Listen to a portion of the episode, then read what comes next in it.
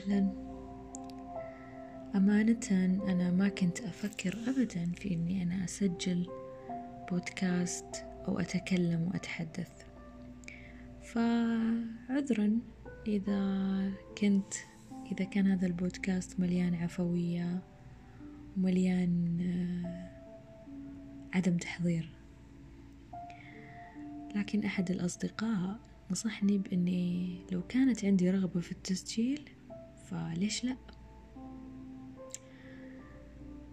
من هنا قلت أنا لازم أسجل. ولازم أتكلم عن الأشياء اللي تدور في بالي أو في بال أشخاص كثيرين زيي. من ضمن الأشياء هذه ليش إحنا نشعر بالنفور من أشخاص أحيانا لنا فترة بعيدة من إننا قابلناهم. الشخص أنا مالي يومين ثلاثة شايفته. ليش أنفر منه؟ ليش أحسه إنه طاقة سلبية في حياتي؟ أحيانا أقول سبحان الله حنا عبارة عن أرواح تقابلت قبل وجود الأجساد.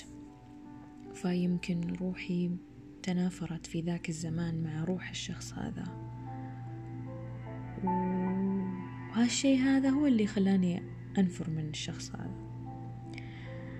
قرأت اليوم من مقالة في علم النفس تقول أنه لا أنت لما تنفر من شخص ما مو معناها أن الشخص هذا سيء أو أن أذاك لا قد تكون المشكلة فيك.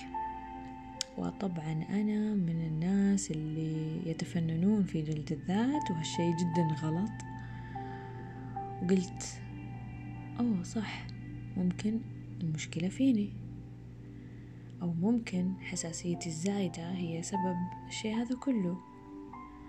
فعاهدت نفسي من اليوم إني أحاول أسيطر على موضوع الحساسية الزايدة وعلى التدقيق الزايد. مشكلة جدا كبيرة لما الإنسان حلو الاهتمام بالتفاصيل لكن مو كل الناس تركز على التفاصيل وفي بعض الناس عفوية. ممكن إنها تقول كلمة ما تقصد فيها الشخص بشكل مباشر. فإن شاء الله من هذا اليوم أنا بحاول إني أسوي كنترول على الخاصيتين هذه. وأثرت الجدل مع الصديق اللي حفزني على التسجيل قال لي ليش تقولي لها خاصية؟ إحنا مو جوال ولا جهاز إلكتروني عشان تقولين خاصية.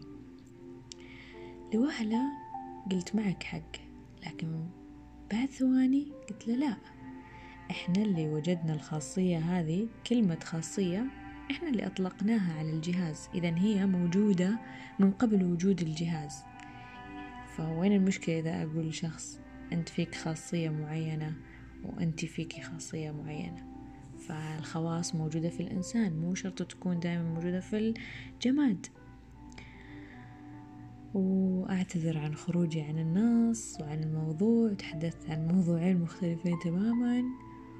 وإن شاء الله المرة الجاية التسجيل يكون مرتب ومنظم وخلينا نعتبر التسجيل هذا فضفضة.